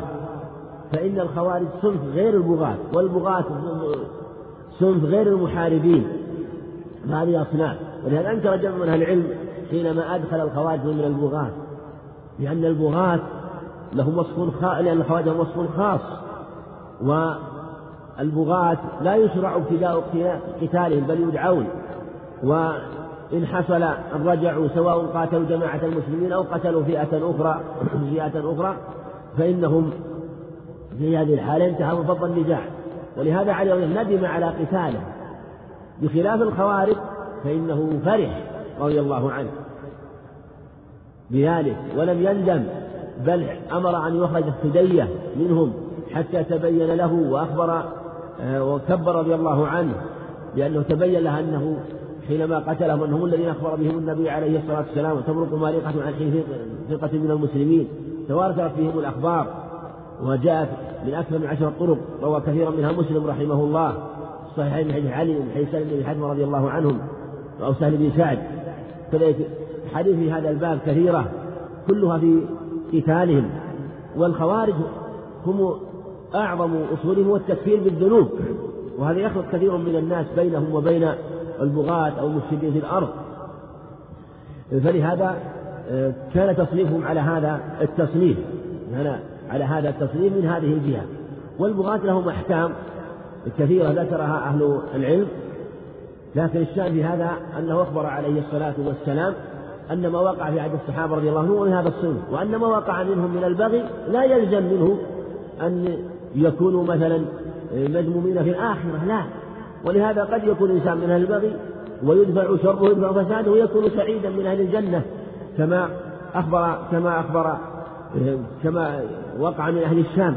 فالبغي وقتال أهل البغي يدعي شرهم وفسادهم. ولا يلزم أن أن مثلا أن يكونوا مثلا من أهل النار لا. لدفع شرهم وفسادهم لدفع الشر كما يدفع شر المجنون والصبي وإن لم يكن محكوما محكوما عليه مثلا بفسق أو ضلال يدفع شره. كما آه، يدفع شر مثلا من تأول إذا كان تأويله ساغا ومقبولا. فالمقصود أن يفرق في هذه في هذه المسائل في هذه المسائل. فدفع أهل البغي دفع أهل البغي لدفع شرهم وفسادهم. أما أهل البدع الكبار وأهل الضلال هذا بفسادهم وبسوء انحرافهم وضلالهم في باب أصول الدين. وما أشبه ذلك من المعتقدات الفاسدة. فهذه فهذا الباب على هذا التقسيم كما ذكر العلم وإن كان بعضهم يذكره في باب واحد ومن جهة الأحكام يرتب عليها الأحكام المتعلقة ومن والتفريق بين الخوارج وبين البغاة وبين المحاربين. نعم وعن ابن عمر.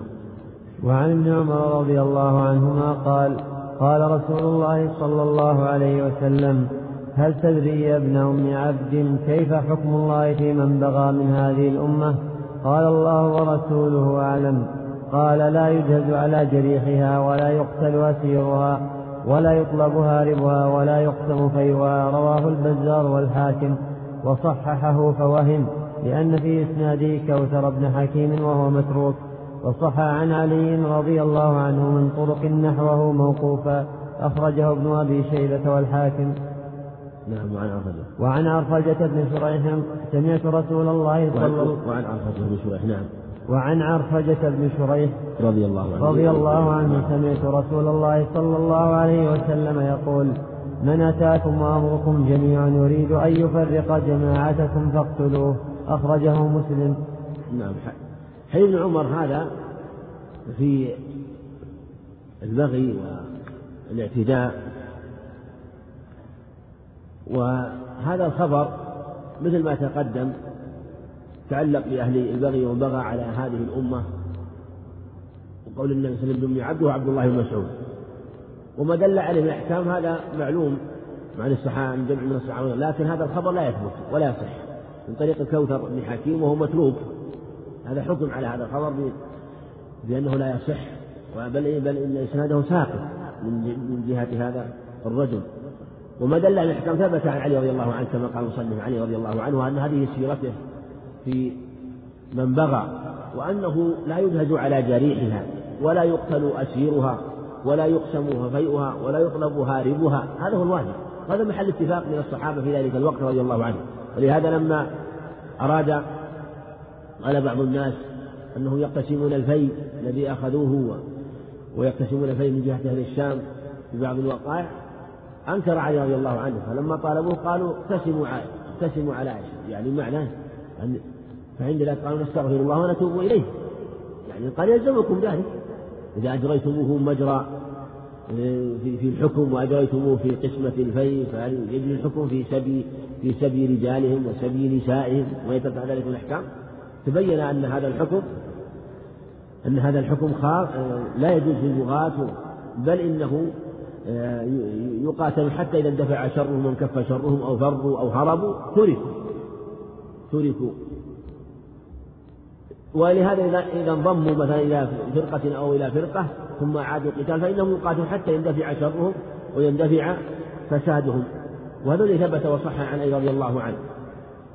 ولهذا أيضا قالوا لا يضمنون ما وقع على الإسلام من دم أو مال أو ما أشبه ذلك لأنها دماء وقعت بتأويل فقضى الصحابة رضي الله عنه أنها هدر.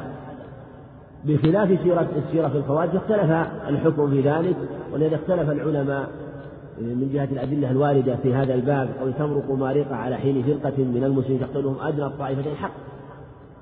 وقتلهم علي رضي الله عنه. قتلهم علي رضي الله عنه كما تقدم أنه ارتبط بذلك حينما قتلهم ولم يبق منهم إلا اليسير ولم يقتل من جيشه إلا اليسير رضي الله عنه. حديث عبد بن شريح رضي الله عنه من أتاكم وأمركم جميع. عند مسلم على رجل واحد يريد أن يشق عصاكم أو يفرق جماعتكم فاقتلوه. في لفظ آخر فاقتلوه كائنا من كان عند مسلم. وهذا يبين أيضا وأن هذا شاهد الأخبار السابق وهذا مما تبين يعني أن هذه أن الأخبار التي يذكر المصنف رحمه ربما فرق بعض الأخبار التي هي تكون في معنى واحد والأمر في هذا قليل وهذا شاهد لما تقدم من أنه لا يجوز النزاع والخروج على جماعة المسلمين وأن هذا من شق العصا وتفريق الكلمة. ولهذا جاءت الأخبار كالعيان في هذا الباب أنه أن من أراد مثل شق عصا المسلمين وتفريق جماعته فيدفع شره ولو بالقتل. وفي لفظ عند مسلم إذا بويع لخليفتين فاقتلوا الآخر فاقتلوا الآخر منهما يعني متأخر منهما. لأن هذا من أعظم الشق والنزاع على جماعة المسلمين. نعم. باب قتل الجاني وقتل المرتد. عن عبد الله بن باب باب باب قتل الجاني وقتل المرتد. قتل ولا قتال عندك؟ عندكم قتال. نعم. قتال. كان القتال قتال على أحسن نعم. باب قتال الجاني وقتال المرتد. وقتل. وقتل المرتد. باب قتال الجاني وقتل المرتد. الله عن عبد الله بن عمرو رضي الله عنهما قال قال رسول الله صلى الله عليه وسلم من قتل دون ماله فهو شهيد. رواه أبو داود والنسائي والترمذي وصححه. نعم حديث. باب قتال الجاني. قال قتال الجاني وقتل المرتد. قتال الجاني لأن الجاني لا يقتل ابتداء إنما يدفع شره. فإذا جنى إنسان واعتدى إنسان على إنسان فإنه لا يقتله ابتداء بل يدفع شره. فلو جاء إنسان هجم على إنسان وأراد الاعتداء عليه يدفع شره. بالكلام إن أمكن ما أمكن دفعه بالكلام بالدفع الخفيف شيئا فشيئا هذا هو الوالد لا يقتل مباشرة. ولو قتله ابتداء مباشرة ويمكن دفعه كان كان قتله عمد وحكم حكم قوي بخلاف لو بادره وخشي أن يقتله ولم يمكن إلا بدفعه بالقتل في هذه الحالة له ذلك. لكن الشأن أنه يأخذه بالأسفل بالأسفل فالأسفل وهو دفع الصائب كما قال عليه والسلام في حديث هريرة صحيح مسلم أنه رجل قال يا رسول رأيت رجل يريد, يريد أن يأخذ مالي. قال قاتله. في لفظ أنشد أنشد الله يعني غالبه حتى يكف عن شره. قال قاتله قال فإن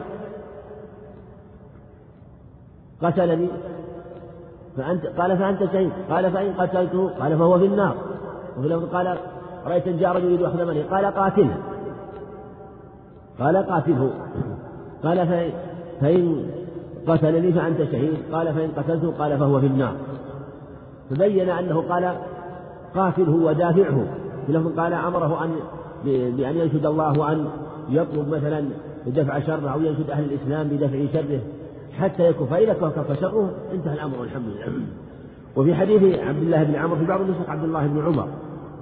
والأظهر أنه عبد الله بن عمرو عبد الله بن عمرو لأن هذا هو المعروف في الرواية. يعني حديث هذا حديث معروف عبد الله بن عمرو. من قتل دون مال وهو لكن مصنف رحمه الله عزاه لأبي داود النسائي وهو في الصحيحين بهذا اللفظ. من قتل دون مال فهو شهيد. حديث معروف عن عبد الله بن عمرو. لكن يظهر والله أعلم أن الحافظ آه، وهذا تبين لي بالتتبع أن الحافظ رحمه الله يقلد صاحب المحرر كثيرا أو أنه علق المحرر في ذهنه فكان يملي من المحرر لابن عبد الهادي كثيرا. ولهذا ربما تبعه في الوهم وإن كانت أوهام المحرر قليلة صاحب المحرر رحمه الله عزاه إلى هؤلاء. من طريق حديث عبد الله بن عمرو.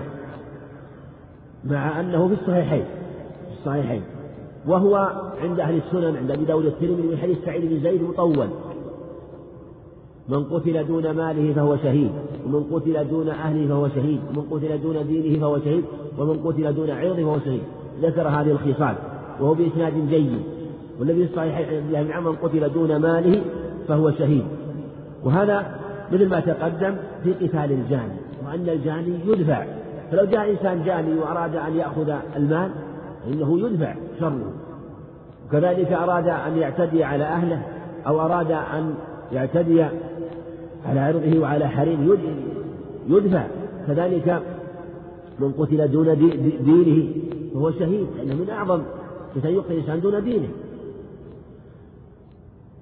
ثم اختلف العلماء في هذا في خلاف هل قتاله واجب أو مستحب. ومنهم من فرق بين حال الفتنة وحال الأمن ومنهم من فرق بين القتال دون عرضه وبين القتال دون المال. وظاهر النصوص هو أنه لزوم الدفع لزوم الدفع لأن النبي صلى الله عليه وسلم أمر بالقتال. وقد يقال انه خرج على سؤال في قوله إن رأيت الرجل يريد أخذ مالي. قال قال أرأيت الرجل يريد أخذ قال لا تعطه حديث متقدم. قال لا قال أرأيت إن قاتلني؟ قال قاتله. قال إن قتلني. قال فهو فهو في النار قال إن قتل قال فأنت شهيد. قال إن قتلته قال هو في النار المتقدم فخرج على الجواب على السؤال. وهذا أيضا فيه مدح من قتل دون ماله من قتل دون ماله. ولا شك أنه مشروع الدفع وذلك أنه لا يجوز بذل المال لمثل هذا لأن في الحقيقة إعانة على المنكر. لأنه أعظم من السرقة من جهة أن هذا أخذه على سبيل المكابرة والبغي. والاختيال والفخر فهو من أعظم المنكرات.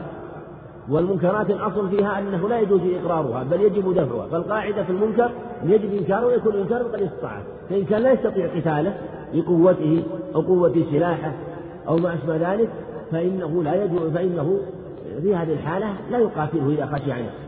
لكن أصله هو مشروعية القتال فإن أمكنه ذلك وله قوة فوجب على الصحيح في هذه الأشياء. وإن كان في في باب العرض وجعل حريمه وأهله فإنه يجب ويكون أوجب بل يعني ظاهر كلمة كلام من أهل العلم أنه من آكد بكثير وهو قول جماهير العلم أو هو أبلغ من هذا. وإلا في حال الفتنة فجاءت النصوص أنه عليه السلام يقول كن كن كخير ابن آدم. في حال الفتنة. كما وقع لعثمان رضي الله عنه أنه استسلم ولم يقاتل لأنها حال فتنة. ثم هذا في غير قتال السلطان. والآثار كالعيان على أنه في غير قتال السلطان في أخذ مال. ولهذا أمر بالصبر عليه حتى يستريح برور ويستراح من فاجر. فأمر بالصبر. فهي كما تقدم كالعيان في كالمتوا أو كالمتواترة في هذا الباب. إنما هذا إذا كان على اعتداء أو بغي من جماعة أو من شخص فهو إنه على ما تقدم. نعم. وعن عمران بن حصين رضي الله عنه قال قاتل يعلى بن أمية رجلا فعض أحدهما صاحبه فانتزع يده من فمه فنزع ثنيته فاختصما إلى النبي صلى الله عليه وسلم فقال يعض أحدكم كما يعض الفحل فقال فقال يعض أحد يعض يعض من عض يعضض. يعض نعم. فقال يعض أحدكم كما يعض الفحل لا دية له. متفق عليه واللفظ لمسلم. حديث عمران الحسين رضي الله عنه ثبت معناه أيضا من حديث يعلى بن أمية. من حديث يعلى بن أمية أن رجلا كما في الخبر آه، وجاء في اللفظ الآخر أن أنه أجير أنه أجير. وجاء في ما يدل على أنه يعلى بن أمية نفسه وأنه الذي سأل عن هذا. وأنه كان آه، أو كان عنده أجير. آه، فعض أحدهما صاحبه فانتزع يده فأندر ثنيته. فجاء فقال يعض أحدكم كما يعض البعض لا دية له. فأهدر ديته. وهذا واضح لأنه معتدي. العاض معتدي. فلو أن الإنسان عض إنسان في يده أو في جسمه فانتزعه. فسقط سن من أسنانه فلا دية له. فلا دية له. لأنه معتدي والبادي أظلم والم... وهذا في القول والفعل. وفرق العلم بين ما إذا أمكن أن ينتزعها بلا سقوط الثنية وبين ما إذا كان آه، لا يمكن إلا بسقوط السن من ثنية ونحوها فإذا أمكن مثلا نزعها بلا سقوط بلا سقوط سن فإنه يكون في هذه الحالة اعتداء. عنه مثل يكون عضه عضا يسيرا يمكن أن يخرج يده بلا كسر سن ولا فت سن لكنه أمسك بها أنه أمسك بأسنانه وانتزعها. هذا واضح أنه اعتداء. وزاد في باب الظلم. فالمقصود أنه إذا كان على سبيل الدم فلا شيء عليه كما أسقط النبي صلى الله عليه وسلم ديته نعم. وفي في وفي ما عندك وفي لفظ؟ نعم. يمكن يأتي بعده بعد. نعم. وعن أبي هريرة رضي الله عنه قال قال أبو القاسم صلى الله عليه وسلم لو أن لو أن امرأ اطلع عليك بغير اذنك بغير إذن فحذفته بحصاة ففقأت عينه لم يكن عليك جناح متفق عليه. وفي لفظ لأحمد والنسائي وصححه ابن حبان فلا دية له ولا قصاص. نعم نعم. حديث نعم هذا اللفظ في هذا الخبر. في هذا الخبر في الاطلاع على بيت الإنسان. وهذا الخبر ثبت معناه عن النبي عليه الصلاة والسلام آه، من حديث سهل بن سعد وجاء من حديث أنس أن النبي عليه الصلاة والسلام اطلع عليه إنسان من جحر في بعض حجر أزواجه عليه السلام فجعل يغسله بمدرى معه. بلفظ قال لو علمت أنك اطلعت لا آه، حذفت هذا أو لفقعت عينك وفي هذا الخبر أنه لو اطلع عليه إنسان ففقع عينه لم يكن عليه جناح. اللفظ عند أحمد النسائي فلا دية له ولا كفر. واللفظ عند أحمد النسائي لفظ صحيح. وهذا يبين أن من اطلع في بيت إنسان من خصاص أو من جحر أو من كوة أو من نافذة أطلع عليه ففقع عينه أنه لا شيء عليه. بل إنه فإنه يشرع له دفع شبه لأنه منكر. وهل يشرع أن يحذره وأن ينذره؟ وأن يقول كفه الصواب أنه لا يشرع. لا يشرع. بل لو أنه ابتدع فقع عينه مباشرة فلا شيء عليه. لأن النبي صلى الله عليه وسلم أطلق ذلك ولم يأمر بتحذيره ولا إنذاره. ثم أيضا أحكم الأمر عليه. قال فلا دية له ولا قصاص بلفظ بل بل ثبت في الصحيح ما هو أبلغ أنه كان ختله عليه الصلاة والسلام. والختل هو كونه جعل يختفي عنه حتى لا يراه. هذا واضح في أنه أبلغ من جهة أنه ختله وفي هذا حماية الشرع في حماية العورات وحماية المحارم. هذا لا شك أن الناس كلهم إيه، لا يرضون مثل هذا. فلو أن الإنسان في بيته وفي داره وبين حريمه وبين أولاده وجاء إنسان يطلع من خصاص أو أو من خلل في الجدار أو من خلل في النافذة أو من الباب فجعل ينظر لكن هذا من أعظم هتك الحرمات ولهذا كان فعله محرما ولا يجوز. وسقطت حرمته وهو الذي آه، يعني أهدر نفسه بنفسه حينما آه، طل ونظر بعينه. فالصواب أنه مثل ما تقدم لا بيته اختلف العلماء في مسائل كثيرة فيما إذا كان الباب مفتوح أو النافذة مثلا مفتوحة ثم مر ونظر فقالوا إذا كان الباب مفتوح فقد فرط صاحب البيت لكن هذا فيما إذا كان اطلع عليك بغيره. والاطلاع يكون بقصد النظر من خلل من جحر وما أشبه ذلك. أما إذا كان الباب مفتوح فينبغي الاحتياط في مثل هذا. وإن كان ينبغي أن يحفظ الإنسان نظره وبصره عن العورات. والصواب أنه مطلقا حتى ولو لم يكن في البيت أحد من النساء ولو لم يكن أحد مثلا ما دام الإنسان في بيته أشياء لا يطلع عليها أحد. ولو كان هو خاليا في بيته وحده ولو كان لعموم النصوص. ثم اختلف العلماء هل يلحق به السمع؟ ولو إنسان جلس يستمع ويتنصت على على إنسان ويستمع له هل هل أنه يضربه ومع أذنه هل له ذلك؟ ولو أصابه في سمعه. بعضهم ألحقه بالقياس وآخرون قالوا إنه لا يلحق لأن شرط القياس هو مساواة الفرع للأصل أو أن يكون أبلغ. وهذا ليس مساويا ولا أبلغ وشرط الفرع أن يكون مساويا. فالقياس فالفرع فالقياس فإلحاق الفرع لا يصح والقياس غير مساوي. والصواب أنه لا يلحق به وذلك أن مفسدة النظر أعظم من مفسدة الاستماع. نعم. وعن البراء بن عازب رضي الله عنه قال قضى رسول الله صلى الله عليه وسلم جزا الله فضيلة الشيخ خيرا على ما قدم وجعله في ميزان حسناته. والسلام عليكم ورحمة الله وبركاته.